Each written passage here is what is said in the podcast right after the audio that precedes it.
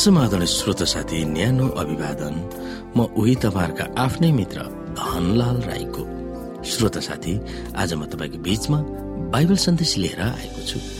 आजको बाइबल सन्देशको शीर्षक रहेको छ अनन्तको सुसमाचार।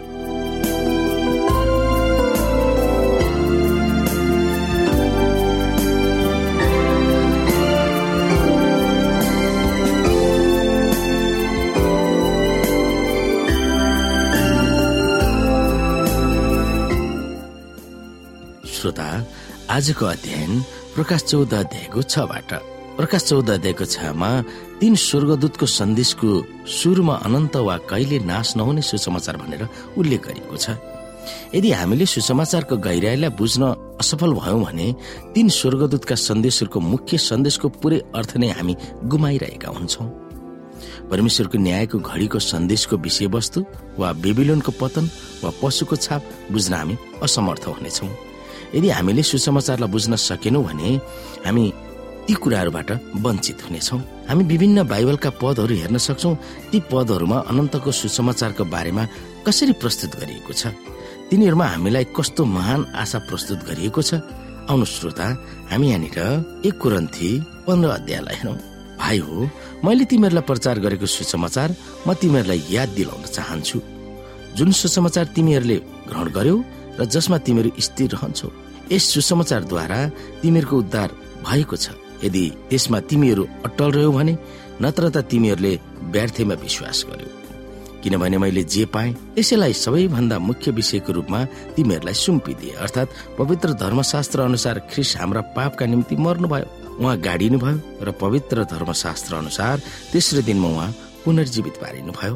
उहाँ केपास कहाँ अनि बाह्रैजना चेला कहाँ देखा पर्नुभयो त्यसपछि उहाँकै समयमा पाँच सय भन्दा बढी भाइहरू कहाँ एकसाथ देखा पर्नुभयो जसमध्ये धेरै जसो अहिलेसम्म छँदैछन् तर कोही कोही सुतिसकेका छन् भनेर पावलले भन्दछन् त्यतिखेरको समयमा। त्यसपछि याकुब र सबै प्रेरितहरू कहाँ उहाँ देखा पर्नुभयो सबैभन्दा अन्त्यको समयमा जन्मेको मानिस कहाँ जस्तो म कहाँ पनि उहाँ देखा पर्नुभयो भनेर पावलले भन्दछन् यहाँनिर। किनकि सबैले पाप गरेका छन् र परमेश्वरको महिमासम्म पुग्नबाट चुकेका छन्। परमेश्वरको अनुग्रहको वरदानले ख्रिसेसुमा भएको उद्धारबाट तिनीहरू सित्तैमा धर्मी ठहरिएका छन्। परमेश्वरले ख्रिसलाई उहाँको रगतद्वारा प्रायश्चितको बलिदान स्वरूप प्रस्तुत गर्नुभयो जुन प्रायश्चित विश्वासद्वारा ग्रहण गर्नुपर्दछ। यो काम परमेश्वरले आफ्नो धार्मिकता देखाउनलाई गर्नुभयो किनभने उहाँको ईश्वरीय धैर्यमा अगाडिका पापहरूलाई उहाँले वास्ता गर्नुभएको थिएन। परमेश्वर आफै धर्मी हुनुहुन्छ र यसोमा विश्वास राख्नेहरूलाई उहाँले धर्मी ठहराउनुहुन्छ भन्ने कुरा प्रमाण गर्नलाई उहाँले वर्तमान समयमा यो गर्नुभयो भनेर रोमी तीन अध्यायले हामीलाई भन्दछ। यसै गरी रोमी पाँच अध्यायको छदेखि आठमा हेर्न सक्छौ किनकि हामी दुर्बल हुँदा नै ख्रिस्ट अधर्मीहरूका निम्ति ठिक समयमा मर्नुभयो। धार्मिक मानिसको निम्ति मर्न तयार हुने कोही बिरले पाइएला? कतै असल मानिसको निम्ति कसैले मर्ने आँट पनि गरिहाल्ला? तर परमेश्वरले हाम्रो निम्ति उहाँको प्रेम यसैमा देखाउनुहुन्छ कि हामी पापी छँदै ख्रिस हाम्रो निम्ति मर्नुभयो भनेर।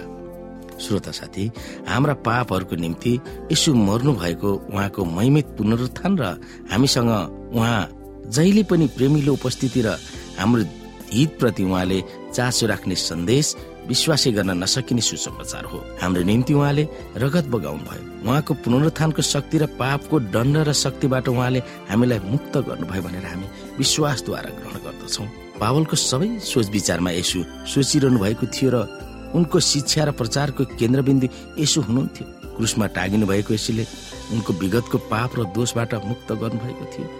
उनको तत्कालीन वर्तमान जीवनमा सबै दुःख कष्ट र सतावटलाई भोग्न ख्रिस्टले उनलाई शक्ति दिनुभएको थियो र यशुको आगमनको बारेमा गरिएको प्रतिज्ञा उनको निम्ति भविष्यको आशा पनि थियो। रोमीको पुस्तकमा चार बुधाहरू उनले उल्लेख गरेका छन्। हामी हेर्न सक्छौँ यहाँनिर। हामी अनुग्रहबाट सित्तैमा निर्दोष ठहरिएका छौँ। एक बुधा दुईमा अनुग्रहले परमेश्वरको धार्मिकताको घोषणा गर्दछ र तिनमा जसले यसुलाई विश्वासद्वारा ग्रहण गर्छ उसलाई अनुग्रहले नै निर्दोष ठहर्याउँछ र चारमा हामी पापी खराब अधर्मी र दुष्ट छँदै परमेश्वरले उहाँको प्रेम हामीमा देखाउनु भएको थियो। स्वत साथी ख्रिस्टले हामीलाई दिनुहुने अनुग्रह हाम्रो कुनै पुनित वा धर्म कर्मबाट पाउने भनेको होइन। त्यो पाउन हामी अयोग्य छौँ न त हामी आर्जन गर्न नै त्यो सक्दछौ। पापमै डुब्न चाहने पापीहरूको निम्ति स्वेच्छाले यसो पीडादायी कष्टकर मृत्यु सहनु भयो पापीहरूले भोग्नुपर्ने दुःख कष्ट उहाँले भोग्नु भएको थियो। पापको खिलाफमा पिताको पूर्ण क्रोध वा न्याय यसुले अनुभव गर्नुभएको थियो। उहाँलाई मानिसहरूले तिरस्कार गरे ताकि परमेश्वरले हामीहरूलाई स्वीकार गर्न सकुन्।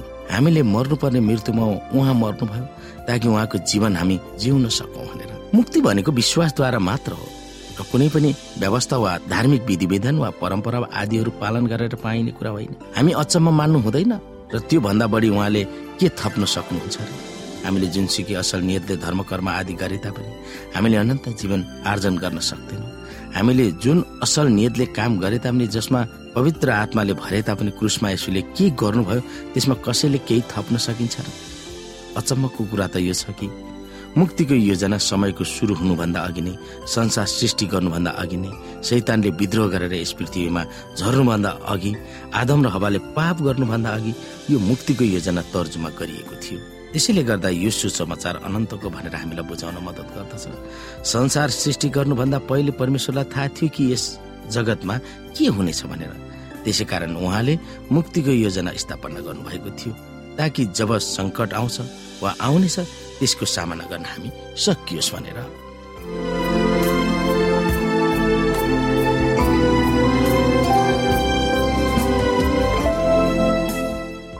श्रोता साथी आजको लागि बाइबल सन्देश यति नै।